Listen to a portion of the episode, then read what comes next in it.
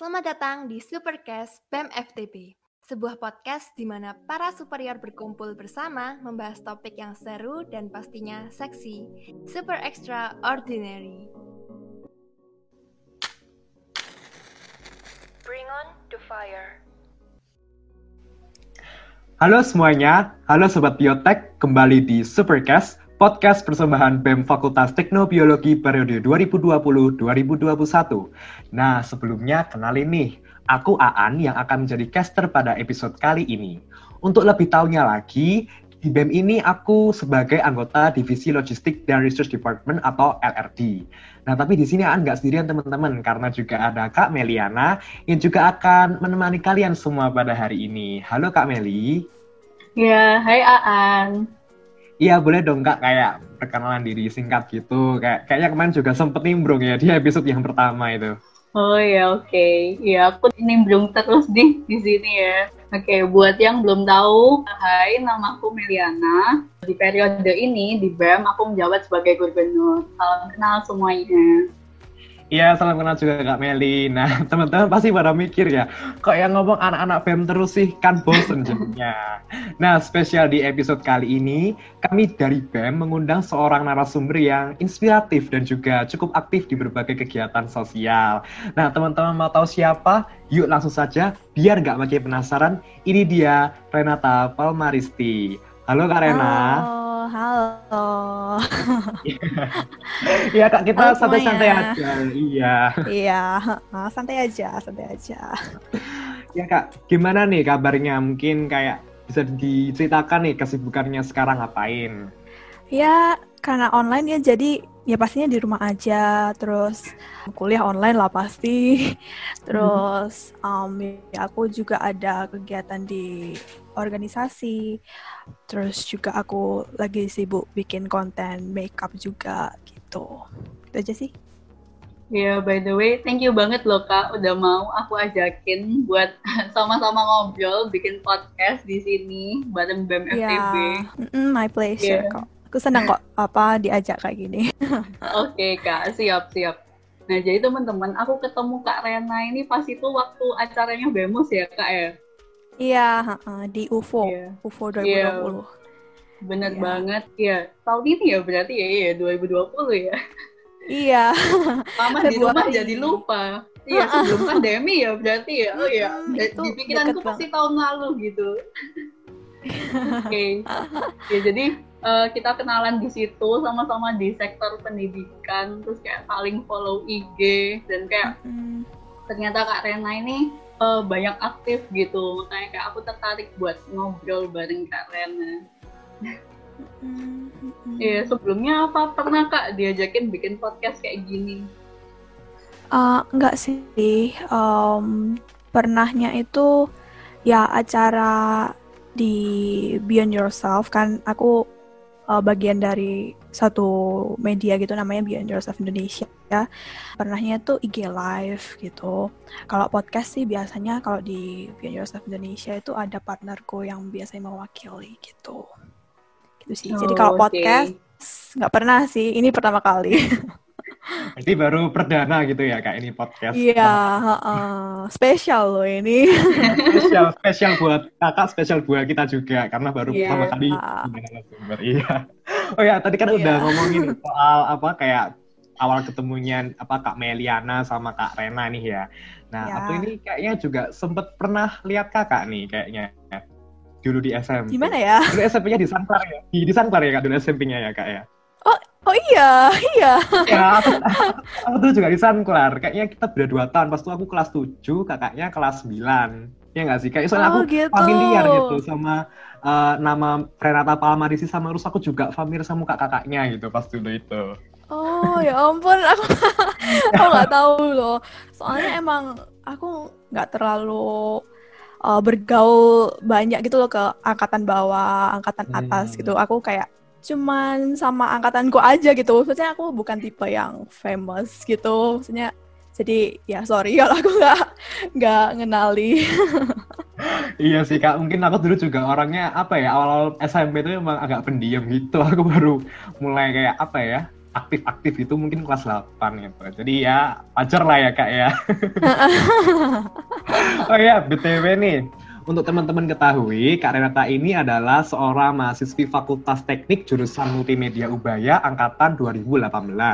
Nah, namun selain menjadi seorang mahasiswi, Kak Renata ini juga merupakan makeup artist dan juga mental health enthusiast. Nah, tapi nggak cuma itu teman-teman, karena Kak Renata ini juga punya banyak pengalaman di bidang desain, fashion, dan sekarang ini juga menjadi project manager di Beyond Yourself Indonesia. Bener ya Kak ya?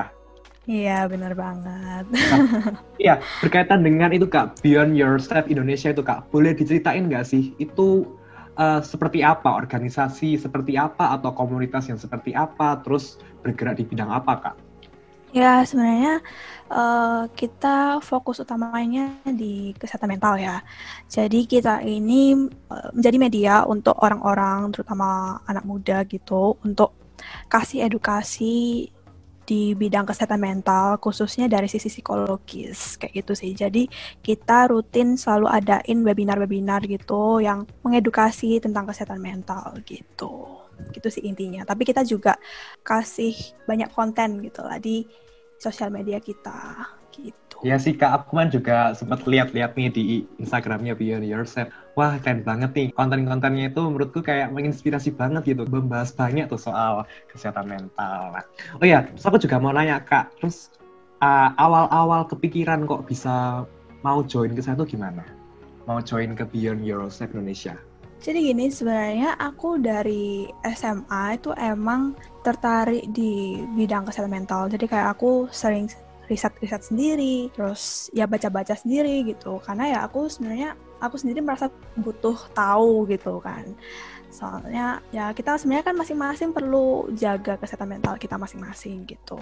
Dan juga aku merasa nah seusiaku waktu itu itu masih memandang sepele kesehatan mental itu gitu dan juga orang-orang sekitar kita itu kayaknya juga memandang kesehatan mental itu kayak tabu gitu. Kalau misalkan kita bahas tentang kesehatan mental tuh sering dianggap bahas orang gila gitu loh, ngerti gak? Jadi aku pingin normalize percakapan tentang kesehatan mental gitu loh. Karena sebenarnya awalnya itu berawal dari aku sendiri merasa butuh gitu. Terus waktu SMA itu aku jadi sering kayak sharing-sharing gitu uh, lewat Instagram aku. Lewat caption sih biasanya kayak ya simple aku simply kayak aku habis introspeksi diri atau habis dapetin life lessons gitu atau habis baca sesuatu kayak aku share di caption kayak gitu awalnya sih cuman kayak kesenangan sendiri gitu kan tapi lama-lama jadi ternyata banyak yang kebantu juga gitu loh dari tulisan-tulisan itu gitu. Nah, makin lama aku makin merasa ya itu tadi karena aku udah kepikiran untuk mau normalize pembicaraan tentang kesehatan mental itu jadinya kebawa terus kan. Terus waktu kuliah aku itu sering ikut bakti sosial gitu loh ke daerah-daerah gitu kan. Nah suatu ketika aku itu ke uh, satu kampung gitulah sama satu yayasan gitu. Uh, aku kan biasanya kayak handle bagian anak-anak gitu. Nah tiba-tiba aku itu di satu tempat gitu. Anaknya kan banyak gitu kan.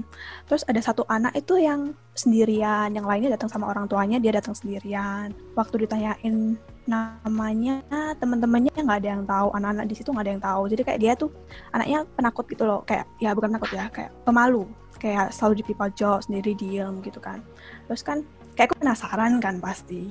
Terus kayak aku pelan-pelan datengin gitu aja aja duduk di sebelahku kayak gitu. Terus ternyata dia itu diam-diam gitu ya dia kayak uh, mungkin karena aku ajakin dia ngomong terus terus dia tiba-tiba tuh kayak nunjukin di badannya dia tuh penuh dengan luka bakar, luka bakar kayak melepuh-melepuh gitu loh.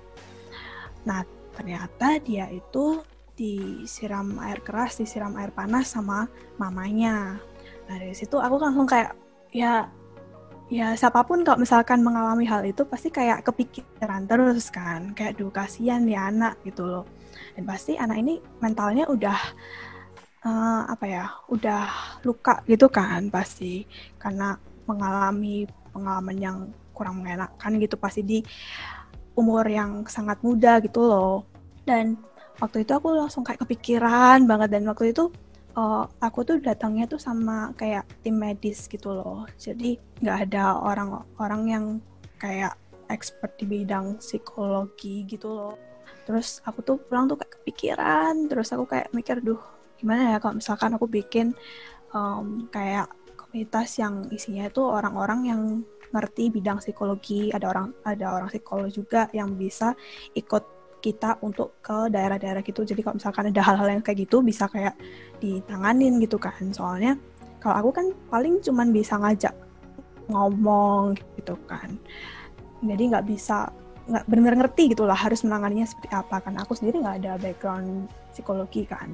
Um, terus karena aku nggak tahu harus mulai dari mana jadi aku itu ngajak ngobrol guru SMA aku yang aku deket banget dan dia itu S2 psikologi di Ubaya juga. Terus karena aku tahu dia lulusan psikologi juga aku hubungin dia kan pak aku kayaknya mau bikin bikin kayak gini gini gini gini deh. Waktu itu dia kasih kontak beberapa orang gitu kan yang mungkin bisa membantu aku gitu. Tapi entah dikacangin atau enggak apa ya pokoknya orangnya kurang cocok atau pokoknya eh, nggak uh, ada yang pas gitulah jadi awalnya aku kayak lumayan hopeless gitu kan. Ya udahlah nggak tahu ini bakal bisa dibikin atau enggak pokoknya aku udah berusaha dulu gitu. Nah ternyata waktu jadi waktu aku hubungin guru aku itu akhir 2019 dan ternyata di saat yang sama itu juga temannya guruku ini ada yang bikin Beyond Yourself Indonesia ini. Baru mau mulai nih. Tapi waktu itu guruku belum tahu kondisinya belum tahu. Terus uh, aku udah mulai melupakan nih mau bikin media kayak gitu kan. Terus tapi aku tetap kayak uh, bahas tentang kesehatan mental di platform aku sendiri di Instagram aku sendiri gitu kan. Terus tiba-tiba temannya do, temannya aku bolak balik mau ngomong dosen terus. Temannya guruku temannya guruku ini tiba-tiba nge-reply waktu aku lagi bahas tentang uh, apa ya waktu itu? Kayaknya aku bahas tentang perfeksionis atau apa gitulah terus dia reply story aku gitu. Ya udah kita ngobrol-ngobrol. Ya turns out dia lagi bikin Beyond Yourself Indonesia ini. Terus ya udah akhirnya aku awalnya kayak aku lihat-lihat gitu kan. Oh ya ini sebenarnya semisi satu misi sama aku satu visi dan misi sama aku gitu. Terus tapi aku merasa waktu itu sosial medianya belum terlalu stabil gitulah. Akhirnya aku kayak ya udah deh aku bantu lewat sosial media dulu ya aku bilang gitu. Soalnya ini aku juga pingin bikin kayak gini sebenarnya dan aku pengen bantu ngembangin gitulah awalnya.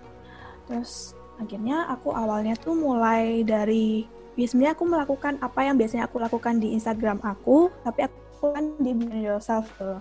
Jadi aku bahas tentang kesehatan mental di Instagram dulu Instagram Story dulu awalnya. Kayak gitu kan. Terus ternyata responnya baik dari audiensnya kayak gitu. Kakaknya ini juga ngobrol pun kayak nyambung terus kita brainstorming tentang topik-topik pun kayak ya koneksinya dapat gitulah maksudnya itu kan penting kan dalam kalau misalkan mau mengembangkan sesuatu gitu. Ya udah yeah. akhirnya akhirnya kita satu visi satu misi akhirnya ya udah lanjut sampai sekarang. Sampai akhirnya aku aku sama kakaknya itu memutuskan untuk bikin program internship supaya aku bisa lanjutin jadi project manager kayak gitu. Gitu. Panjang ya ceritanya. Enggak enggak enggak tapi menarik banget ya. Aku kayak baru tahu ternyata untuk apa ya awal mula mulainya Beyond Yourself ini berarti juga Kak Rena udah di situ gitu ya. Keren banget sih. Mm jadi sebenarnya awalnya itu uh, kakaknya ini namanya Kak Rosa Kak Rosa ini sebenarnya udah ada dibantu sama temennya gitu jadi aku tuh hmm. sebenarnya paling muda aku yang lainnya tuh udah oh, kerja okay. semua gitu yeah. tapi akhirnya karena eh, nggak uh, tahu ya mungkin karena kita brainstorming berdua itu uh, lancar aja gitu jadi uh, akhirnya aku dijadikan sebagai project manager gitu kayak klub gitu ya. Iya iya iya. Uh, Nah, tapi uh, Kak Retna kan udah dari ceritanya kayak udah tertarik gitu dari SMA tentang mental health dan kayak gitu apa Kak Rena nggak pernah kepikiran nih apa nggak mau jadi psikolog atau gimana gitu? Kepikiran nggak? Ya, Ya sebenarnya sih aku sering banget sebenarnya dapat kayak omongan kamu kok nggak masuk psikologi aja sih gitu. Oh sering Tapi juga. Iya, ya. aku juga salah satu Iya, yang sering. ini. sering banget sih. Em, tapi gini sih, yaitu lebih ke arah bukan sesuatu hal yang aku mau jadikan profesi utama, tapi sesuatu hal yang aku pengen lakukan terus gitu loh. Hmm, Eh, apa ya? Ya bisa dibilang tuh aku jadikan hobi lah gitu sih. Iya. Soalnya soalnya kan sebenarnya kalau aku apa ya? Hal yang pengen aku jadikan profesi itu lebih ke arah hal-hal yang kreatif gitu loh. Maksudnya ya aku nggak bisa lepas dari hal-hal yang seni kayak gitu loh. Jadi Iya. um, ya itu aku mau tetap jalan di uh, bidang seni tapi aku juga mau menjalani tentang kesehatan mental itu juga kayak gitu. Jadi banyak banget ya passionnya Kak Ren ini pingin di bidang seni juga, tertarik mental health juga. Tapi untungnya dua itu bisa dijalankan dengan selaras gitu ya. Iya, ya. Iya, heeh. Jadi makanya emang awalnya kan aku bantu di sosial media juga. Itu kan soalnya aku juga suka sosial media gitu kan. Misalnya Mm-mm. suka uh, ngelihat engagement engagementnya sosial media. Terus aku juga suka bikin desain feeds-nya gitu. Jadi awalnya memang aku gerak di sosial medianya dulu gitu. Memang ada kayak eh, rencana yang lebih lanjut kak. Kalau misalkan di media sosial ini sudah mantap gitu, mungkin ada nggak kayak keinginan gitu buat misalnya kayak membangun apa gitu kayak organisasi yang benar-benar organisasi yang berdiri gitu loh misalnya kak. Eh, maksudnya di Beyond Yourself Indonesia ini atau akunya sendiri atau gimana?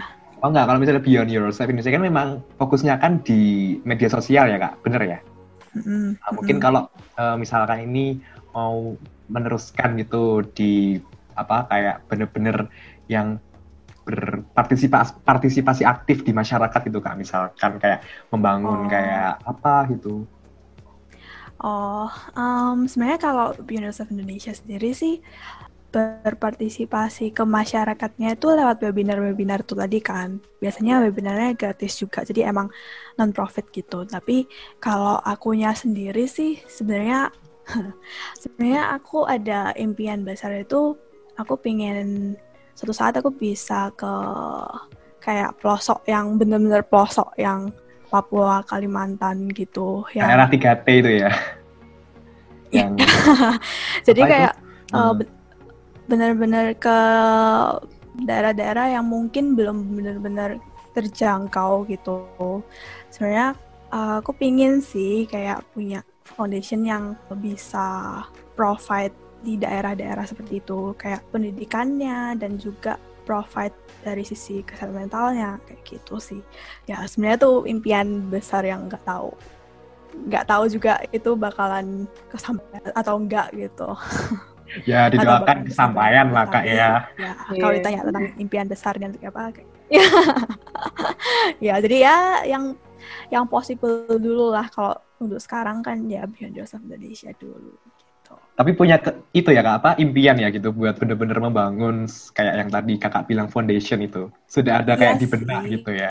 Iya sih, sebenarnya ya aku nggak tahu juga sih. Mungkin karena aku dari kecil kayak terbiasa untuk pada occasion tertentu kayak taksos taksos taksos gitu kan. Jadi kayak dari kecil tuh udah kayak ada impian yang aneh-aneh gitu loh. Maksudnya kayak karena aku dari kecil kayak baksos baksos gitu, aku kayak kepikiran dulu kalau misalnya di daerah-daerah kecil kayak gitu bak- bakalan ada kayak ginian nggak ya gitu kalau misalkan nanti aku besar ke sana terus kayak bikin provide pendidikan atau hal-hal yang mereka nggak punya gimana ya kayak gitu loh jadi itu sebenarnya apa ya nggak tahu aku dari kecil tuh emang kayak pikirannya udah ke sana ke sana aja gitu Iya, tapi luar biasa banget sih Kak Ren. Udah punya apa ya vision, impian yang besar. Ya kita Hmm. doain semoga nanti bisa kecapai deh.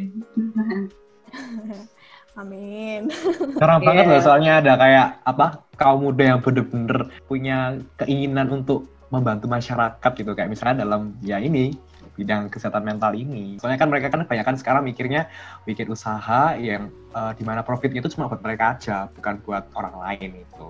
Bener banget bener banget Ya. iya balik ke yang tadi ya kak Ren kak Rena ini kan juga pembuat konten ya apa disebutnya apa kak biasanya content creator Ya, bisa Oke. dibilang baru mulai sih aku. iya tapi luar biasa banget sih kayak wow aku lihat kayak yang terakhir kemarin itu yang kak Rena jadi apa ya itu kemarin proses boneka kayak wow Iya, kayak jadi kurcaci. iya. Wow is that you? Kayak nggak kelihatan. Gila sih keren sih. Kayak karya-karyanya tuh out of the box gitu. Bener. iya emang kalau udah passion itu pasti gila ya keren banget.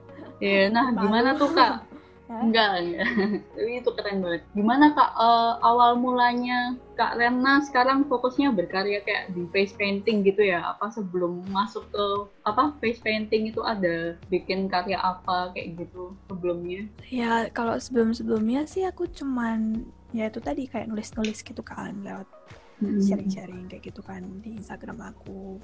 Paling kayak mm, foto-foto traveling gitu doang.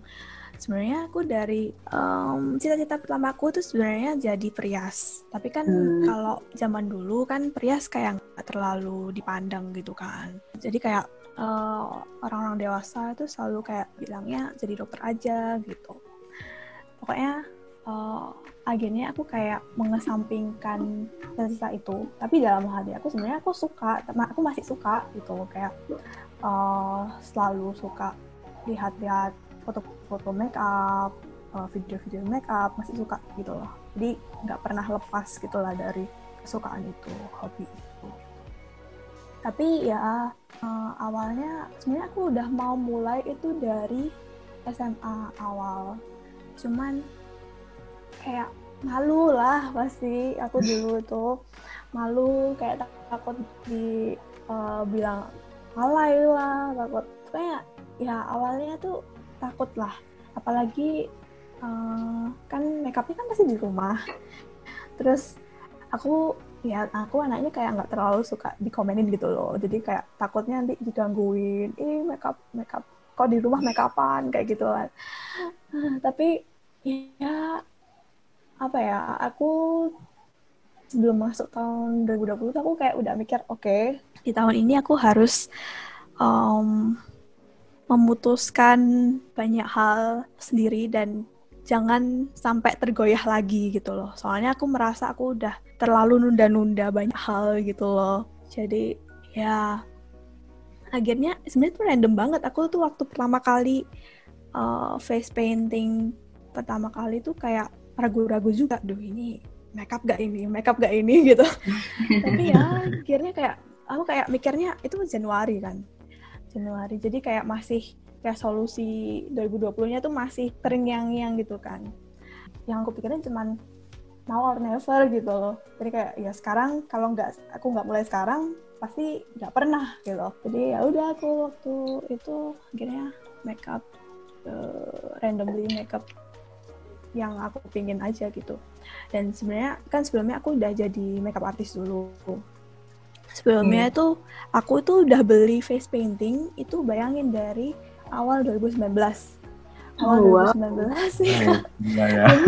fa- apa uh, face painting aku tuh udah kayak berdebu banget jadi kayak apa maksudnya uh, nggak kesentuh sama sekali gitu di Oh, iya di iya. meja meja rias aku gitu sampai akhirnya aku uh, akhir tahun lalu itu aku ikut kompetisi makeup face painting tapi makeupin orang lain gitu.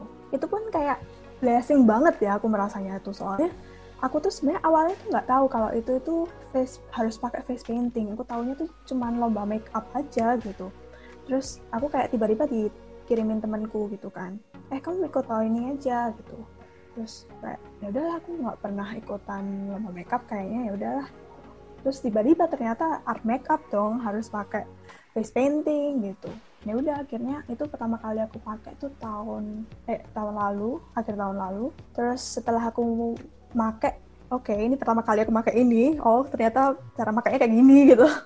Terus akhirnya aku kayak ya udah itu aku waktu aku setelah lomba itu aku kayak mikir oke kayaknya 2020 aku harus mulai makeup face painting gitu. Ya udah akhirnya eh, Januari itu akulah akhirnya makeup pertama kali. Dan itu awalnya belum belum pandemi kan. Jadi kayak uh, aku kalau Jumat tuh kan gak ada kelas. Jadi aku makeupnya kalau Jumat gitu.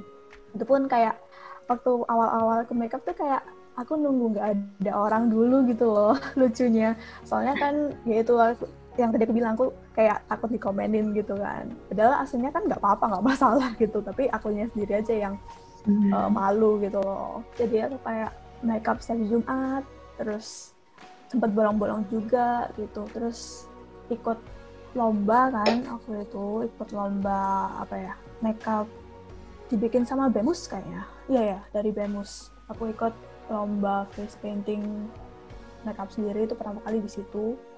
Sih udah keterusan. Awalnya itu kayak aku sempat stop gitu kan sempat stop tapi karena pandemi ini di rumah terus jadi kayak oke okay lah tak lanjutin aja gitu hmm. udah keterusan sampai sekarang gitu berarti sebelum kayak memulai karya-karya make up ini apa kakaknya itu sempet semacam kayak procrastinating gitu ya atau menunda-nunda karena sempat insecure gitu ya sepertinya kak ya iya nah. iya hmm, benar. nah terus itu gimana sih kak kakaknya menghadapi apa yang tadi tuh katanya insecure, takut dikomen-komenin yang uh, kurang baik sama uh, apa netizen gitu misalkan ya. Nah itu gimana kak? Kakaknya menghadapi komentar-komentar itu?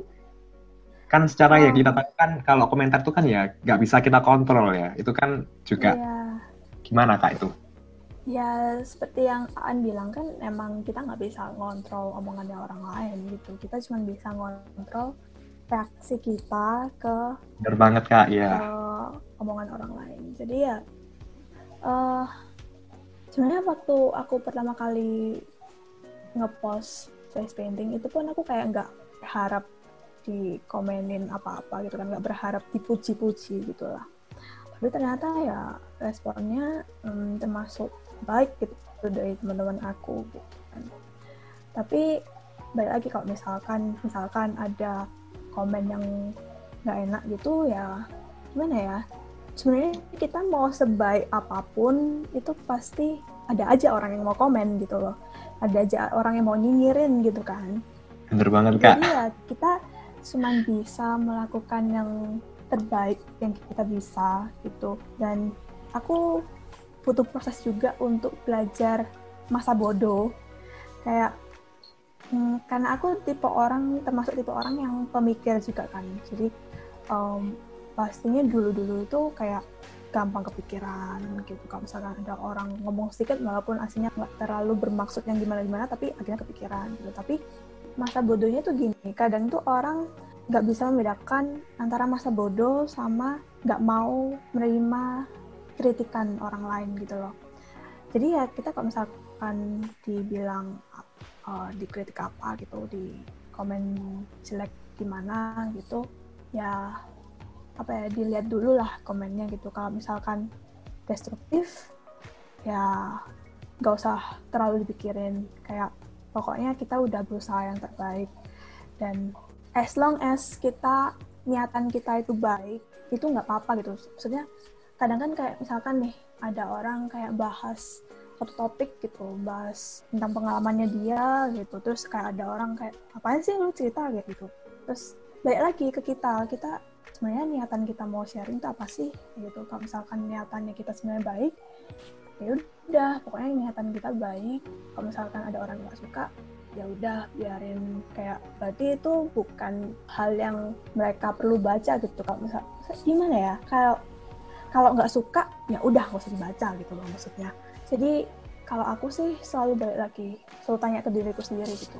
Oh oke. Okay. oh, aku dibilang kayak gini tapi sebenarnya tujuanku ngelakuin ini tuh apa? Oke okay, liatan gue baik kok ya udah nggak apa gitu. Atau kalau misalkan kayak dibilang apa ya juga lihat orangnya juga yang komen. Kalau misalkan orangnya ini selalu komen kita mau kondisi kayak gimana pun dia selalu komen. Kalau menurutku sih nggak usah terlalu digubris dan tapi balik lagi kalau misalkan perbedaan antara masa bodoh sama nggak mau menerima kritikan orang lain. Jadi kalau menurutku sih baca dulu komennya itu apa. Kalau misalkan ada hal yang bisa kita ambil ya udah itu aja yang diambil. Poin itu aja yang diambil nggak usah kata-kata yang menyakitkan tuh nggak usah diambil. Kayak gitu sih. Kayak gitu. Kalau aku ya.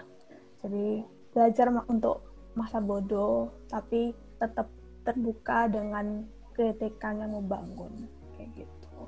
Iya menarik banget sih kak. Kayak gimana ya aku juga kadang tuh orangnya mikir juga ya kayak kadang tuh pikir cuman gara-gara uh, kebanyakan mikir itu aku jadi sadar kalau aku masa bodoh itu kayak gimana ya. Ya baru kayak memulai masa bodoh sama apa ya semua hal-hal yang ya yang orang-orang bilang gitu kan. Nah tapi kayak apa ya kadang itu juga susah ya. Kadang kita mau masa bodoh cuman kadang kayak kita juga lu, bisa lupa bener kayak tadi kata Kak Rena. Kita juga harus bisa menerima kritik selain ya harus bisa ngefilter yang mana sih sebenarnya apa ya komentar orang yang bisa kayak membangun buat kita gitu ya yang mana yang kayak malah menjatuhkan. Masa bodoh boleh cuman kayak tetap harus ngefilter gitu ya kak ya ya dan aku tuh juga dulu itu menyalahartikan uh, aku tuh sebenarnya bukan masa bodoh tapi kayak rasa nggak enak hatiku tuh aku pendem gitu jadi kayak aku berlagaknya tuh hmm. apa sih gitu kayak berlagak masa bodoh padahal akunya sendiri tuh masukin ke hati gitu loh ngerti nggak? Oh oke okay, oke. Okay. Uh, ya jadi kayak sebenarnya tuh dua hal yang berbeda gitu loh kayak itu sebenarnya juga butuh proses teman-teman untuk yeah. belajar masa bodoh bukan menyimpan rasa nggak enak hati kayak gitu sih. Soalnya kalau misalkan kita menyimpan rasa nggak enak hati itu malah jadinya bisa tiba-tiba meludak gitu kan. Jadi gini sih gini gini. Ada namanya tuh mindful gitu namanya mindfulness. Jadi uh, uh, ketika kita terima komen head speech gitu ya uh, pasti kayak ada muncul rasa yang nggak pasti sih. Untuk beberapa orang bisa ada muncul rasa kayak kok gini sih? gitu. Dulu aku tuh kalau kalau aku muncul reaksiku yang kayak nggak enak hati itu biasanya aku gak apaan sih? Ngapain kok nggak enak hati? gitu. Padahal tetap nggak enak hati gitu. Jadi kayak aku tuh dulu itu menolak rasa nggak enak hati itu. Kayak ya, aku abaikan gitu ya, hmm. aku abaikan gitu. Padahal seharusnya tetap kayak oke okay, aku kayak aku awalnya emang hmm, nggak hmm, enak hati gini tapi yaudah yuk diproses dulu kata-katanya gitu. Oh yang ini kayak dipilah gitu loh kata-kata yang ini hmm, nggak hmm, usah didengerin lah pokoknya ada poin ada satu poin yang mungkin bisa aku uh, tampung dulu untuk selanjutnya kayak gitu. Jadi kadang kita denial padahal sebenarnya masih nggak enak hati gitu sebenarnya diterima aja sih. Maksudnya diterima aja kalau misalkan tetap ada rasa yang gak enak hati ya udah diterima aja. Tapi harus diproses gitu jangan sampai berlarut-larut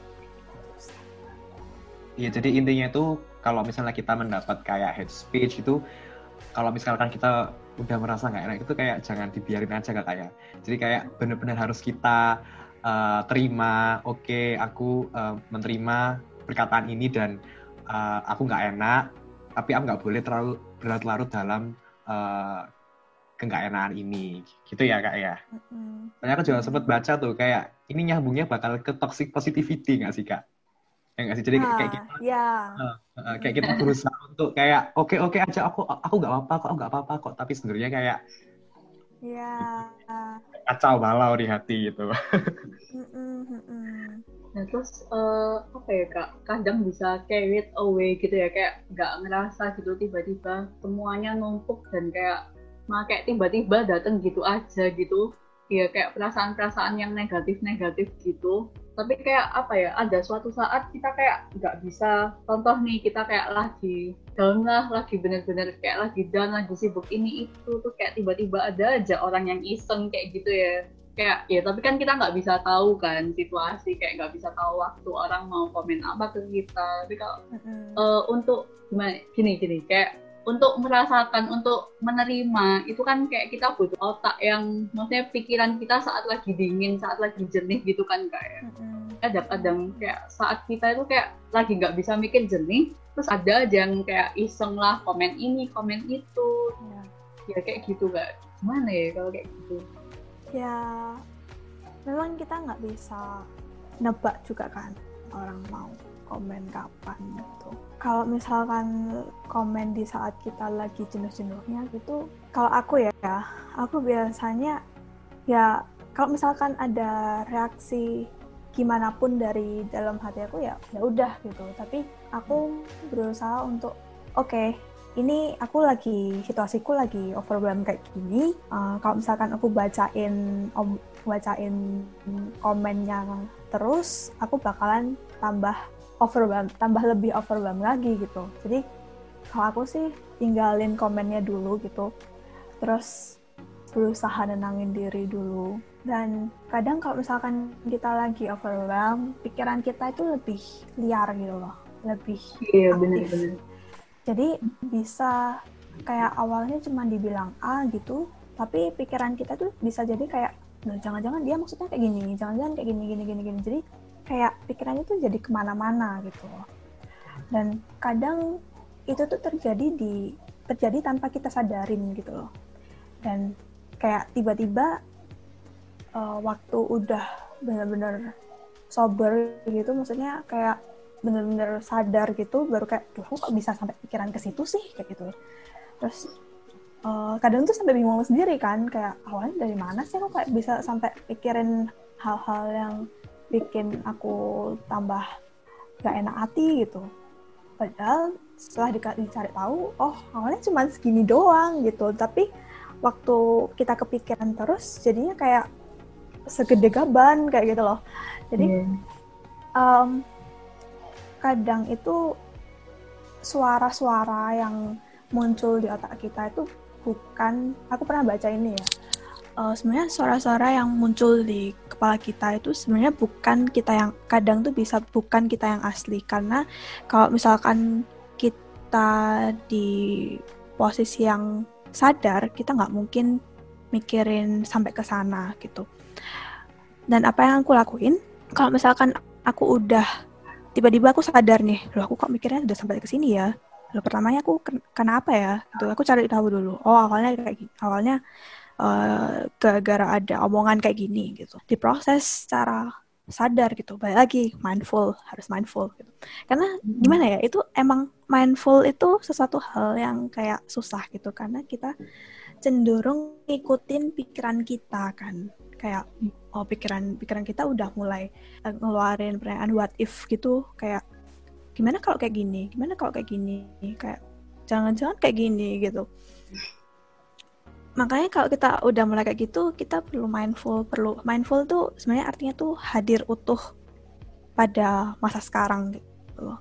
Soalnya kan kalau misalkan kita mikir jangan-jangan kayak gini itu kan kayak kita berusaha cari di ha, cari hal-hal yang mungkin terjadi di masa lalu atau di masa depan gitu kan ya benar banget ya udah kita uh, balik ke masa sekarang nih oke okay aku tadi barusan dibilang kayak gini. Oke. Okay. Terus emang kenapa kok aku dibilang kayak gitu? Oh, karena dia komenin kontenku yang kayak gini gitu. Terus pokoknya kayak olah aja apa yang terjadi di saat sekarang dan misalnya gini nih. Uh, misalkan muncul kayak pikiran-pikiran, duh, lu kan harusnya kamu bikinnya harus bisa lebih bagus supaya orang ini nggak komen kayak gitu. Balik lagi tanya, emang itu bisa diubah kayak gitu kan nggak bisa gitu kan jadi ya udah itu karena udah nggak bisa diubah ya udah nggak usah di nggak usah di uh, pusingin gitu soalnya mau dipusingin kayak gimana pun itu nggak bakalan berubah kayak gitu kan mm-hmm. terus juga apa ya?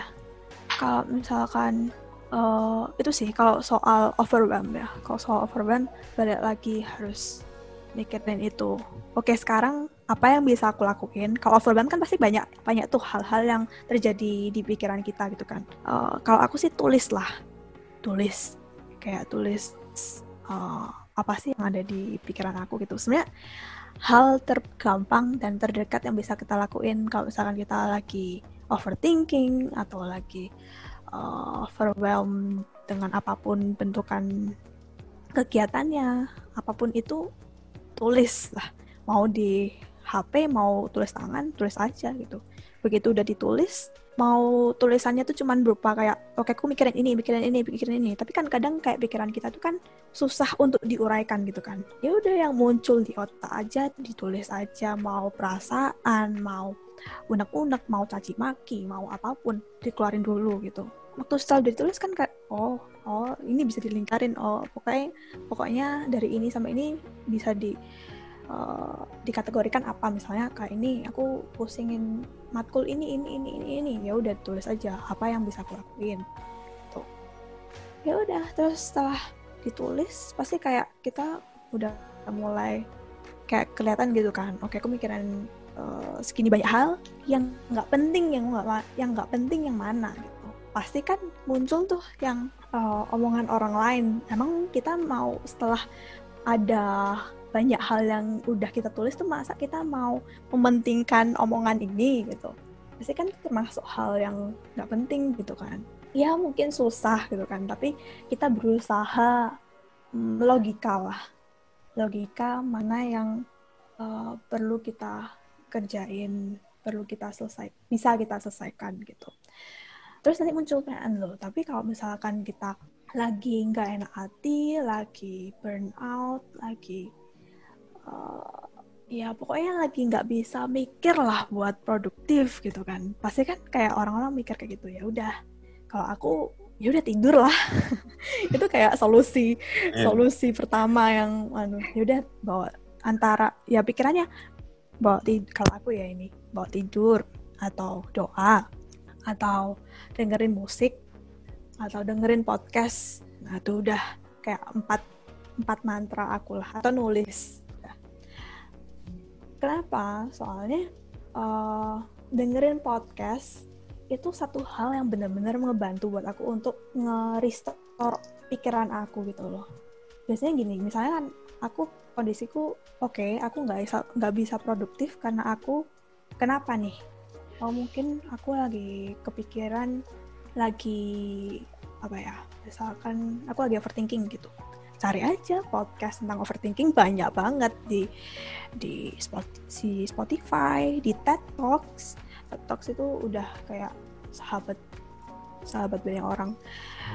Banyak banget gitu kan uh, medianya yang bisa kita manfaatin ya itu bisa membantu dengerin musik bisa bikin kita relax. Sebenarnya tiap orang tuh beda-beda. Tapi ya menurut aku kalau misalkan uh, lagi benar-benar emang uh, burn out gitu nggak usah terlalu nggak usah terlalu dipaksain. Jadi ya diproses aja tenangin diri dulu kayak gitu. Jadi kuncinya sih kalau aku sih dijabarin yang bikin kita overwhelmed itu apa sih gitu. terus tenangin diri lewat banyak hal tadi yang aku udah jadi dari sini kayak mindfulness ini benar-benar kayak penting banget ya kak buat kita supaya nggak uh, overthinking yang terus menerus terus kayak uh, cara buat kita ngatasi overthinking tuh ada banyak macamnya seperti yang tadi kakaknya bilang ada kayak uh, berdoa terus dengerin podcast terus bisa juga tadi nulis. Nah tapi kalau misalkan ada kan pasti kayak teman-teman kita ini yang nggak uh, bisa tuh kayak gitu nggak biasa kayak uh, kalau nulis gitu kan nanti kalau kertasnya ke mana-mana kan takut gitu kadang-kadang dibaca orang lain. Nah terus sekarang mereka yeah. juga nyari, nyari nyari simpelnya karena mereka juga sebagai makhluk sosial, akhirnya mereka lebih memilih untuk menceritakan ke sahabat dekatnya. Nah itu gimana kak uh, pendapatnya kakak soal itu? Um, Sebenarnya nggak masalah, nggak masalah mau cerita ke temannya pun nggak masalah. Justru kalau misalkan ngobrol ke orang lain kan kita bisa dapat pandangan dari orang lain. Gitu ya, benar sih kak Mm-mm. Jadi ya itu sebenarnya kalau nulis itu mm, lebih ke uh, darurat aja sih. Kadang kan soalnya kita nggak bisa maksain mau ngobrol sama orang gitu kan. Orang bisa kayak, dua aku nggak bisa nih aku lagi ada apa gitu kan. Itu sebenarnya nulis itu kayak uh, P3K-nya kita gitu lah. Kalau lagi overthinking gitu gitu. Ya sih, aku juga sempet denger nih katanya kalau misal ditanya siapa sahabat terbaik kita itu katanya ada yang bilang katanya diri kita sendiri soalnya ya kan diri kita sendiri yang lebih mengerti yang lebih mengerti hmm. apa yang ada dalam diri kita itu. Iya ya sih kak keren banget nih uh, sharingnya kayak bisa mengatasi masalah lewat tadi itu menulis kayak soalnya aku nggak pernah gitu loh kayak nemuin orang yang punya masalah terus kayak dia menuliskan atau memang karena privacy ya jadi aku nggak nggak pernah tahu gitu ya kan sih kak kan harus nyoba berarti kapan-kapan ya iya lagi mikir harus nyoba ya nulis itu ya bener Aku banget kayak kayak sekali gitu, tapi nulisnya bukan di kertas, aku nulisnya di notepad, soalnya kan lebih aman ya. Iya, nggak apa-apa. Kayak, Aku juga sering. kita bercampur sama tugas gitu. tapi aku lebih sering kayak, aku lebih sering itu sih kayak eh, curhat ke temanku gitu, kayak kalau soal-soal gini. Cuma satu orang aja sih, soalnya kan tuh bener-bener kayak privacy ya, jadi nggak mau kalau Orang tahu. Iya sih kak. Best sih. Hmm. Iya. Pokoknya ada media untuk mengeluarkan isi pikiran. Iya, kita harus tahu ya apa sih eh, cara yang gimana sih yang pas buat diri kita sendiri. Hmm. Kayak harus Jadi harus ya balik ke berusaha. preference masing-masing. Iya. mm-mm. Dan aku kan juga ada teman-teman yang content creator lainnya. Jadi kadang juga kalau misalkan tentang tentang insecure dalam bikin konten gitu pasti kayak dibahas-bahas bareng.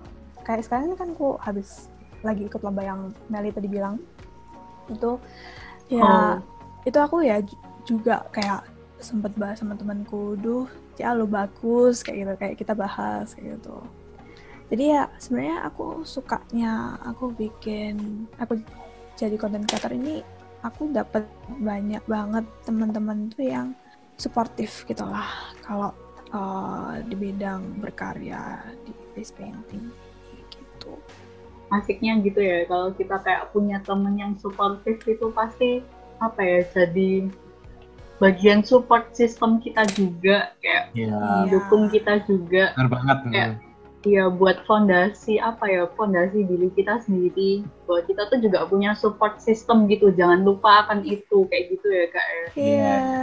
Dan kadang kayak orang mikirnya kan apalagi kalau uh, sesama content creator kadang orang mikirnya memandang teman content creatornya tuh sebagai pesaing iya Gitu. iya itu benar itu yang bikin capek sendiri Mm-mm. kan maksudnya malah insecure ngeliat tuh kok si A lebih bagus ya dulu aku kayak "Duh, jadi kalah nih kayak gitu itu sebenarnya normal lah normal dialami sama orang-orang karena kan pasti pingin tampil menampilkan yang terbaik gitulah tapi Iya.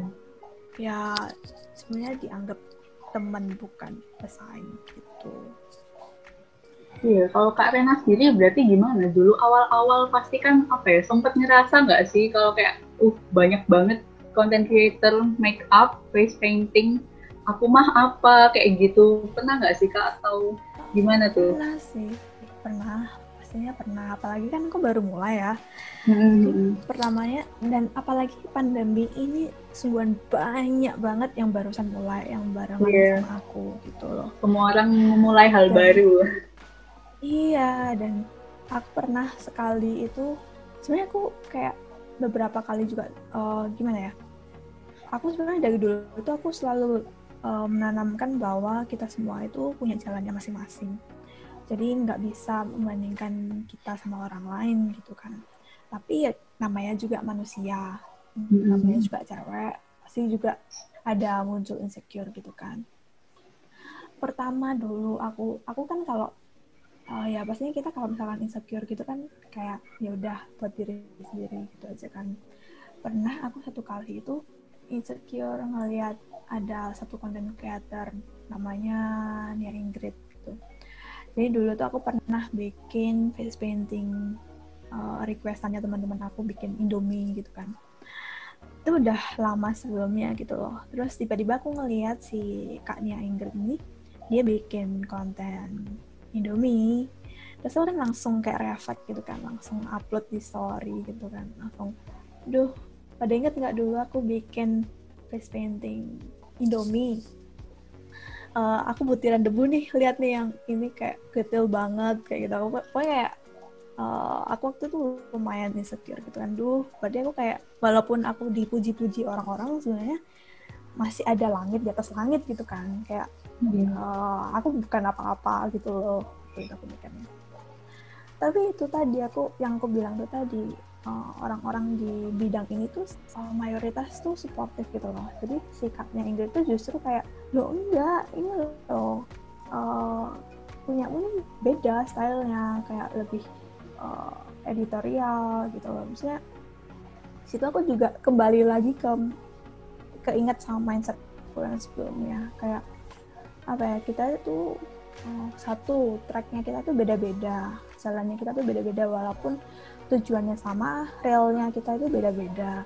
Jadi uh, uh, nggak bisa disamain nggak bisa dibandingin sama orang lain. Terus juga uh, kedua aku baru mulai. Uh, jadi juga harus sadar akan hal itu gitu loh. Dan memaklumi diri akan hal itu gitu.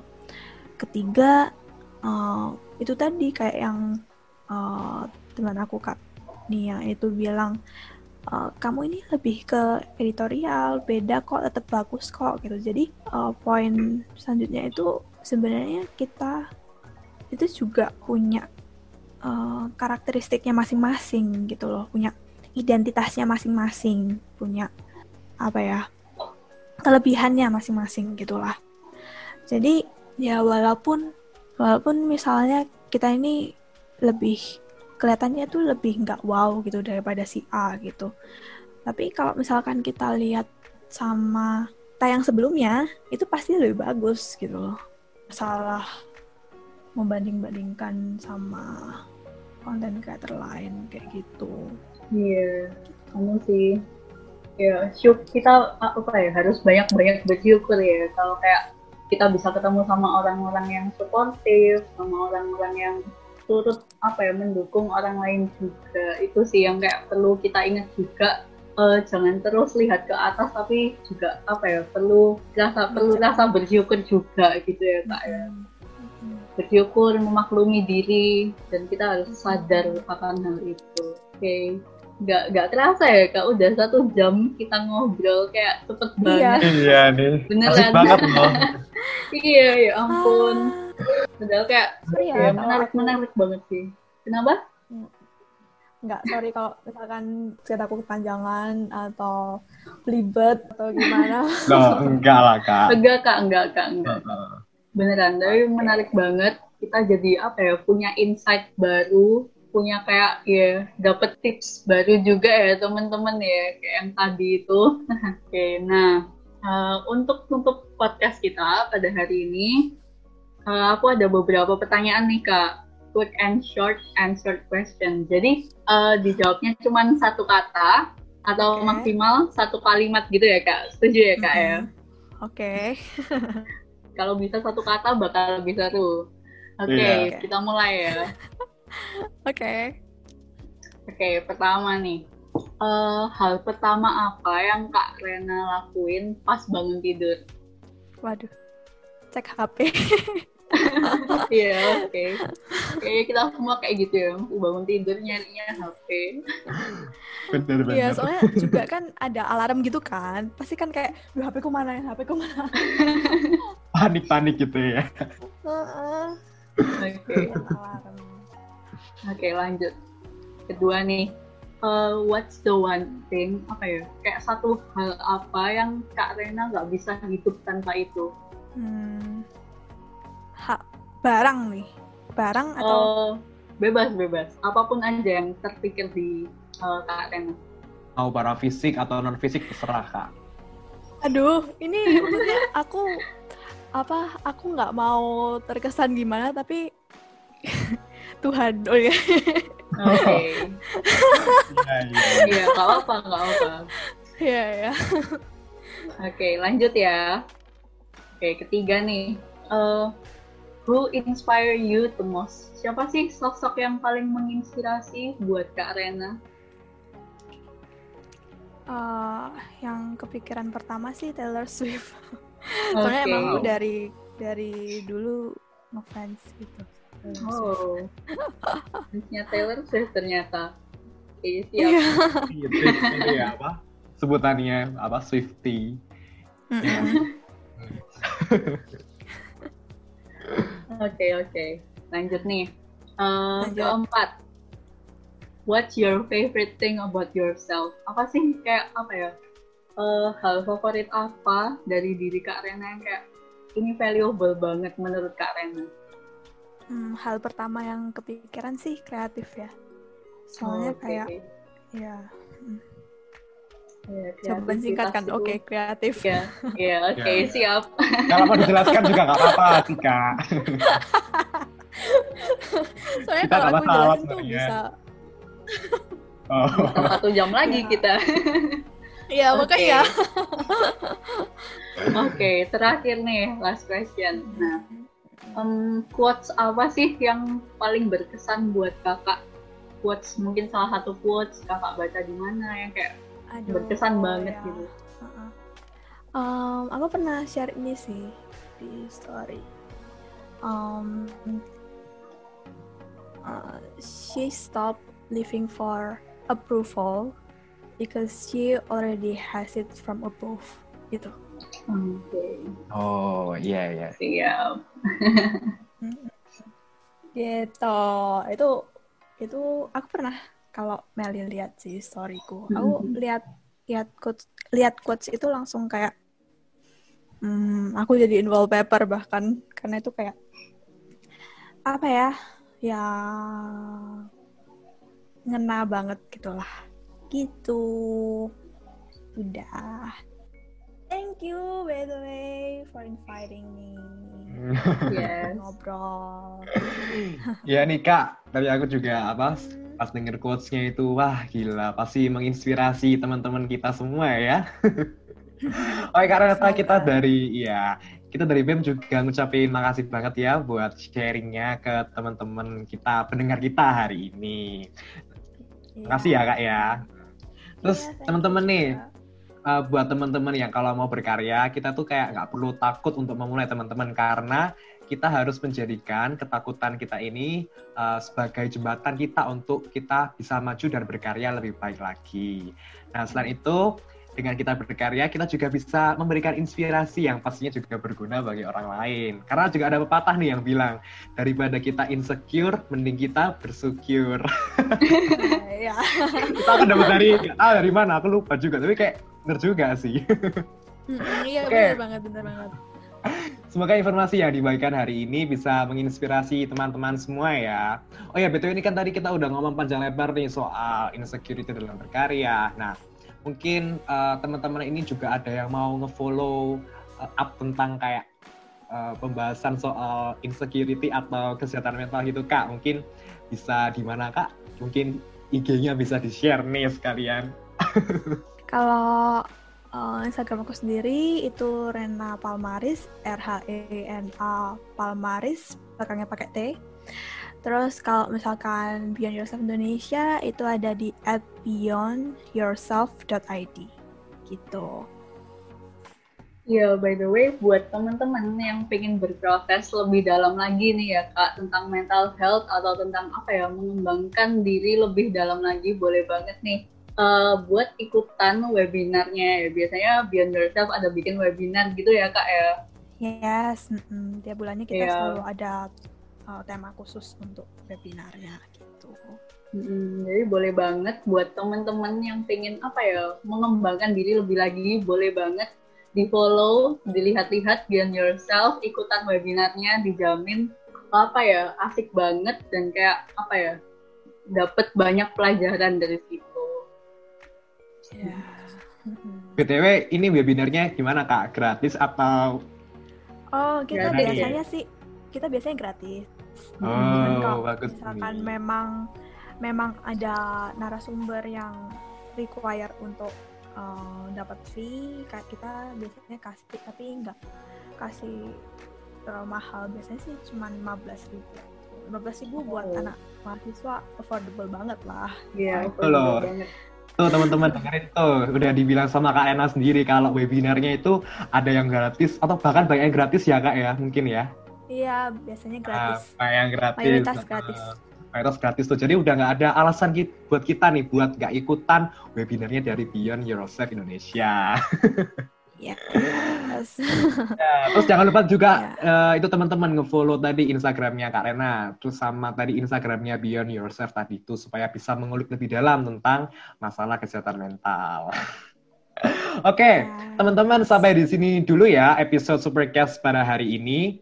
Eh, kayaknya udah kita ngobrol lama banget dan sampai jumpa di episode Supercast berikutnya. Supercast, podcastnya para superior. Bye-bye. Bye-bye. Bye.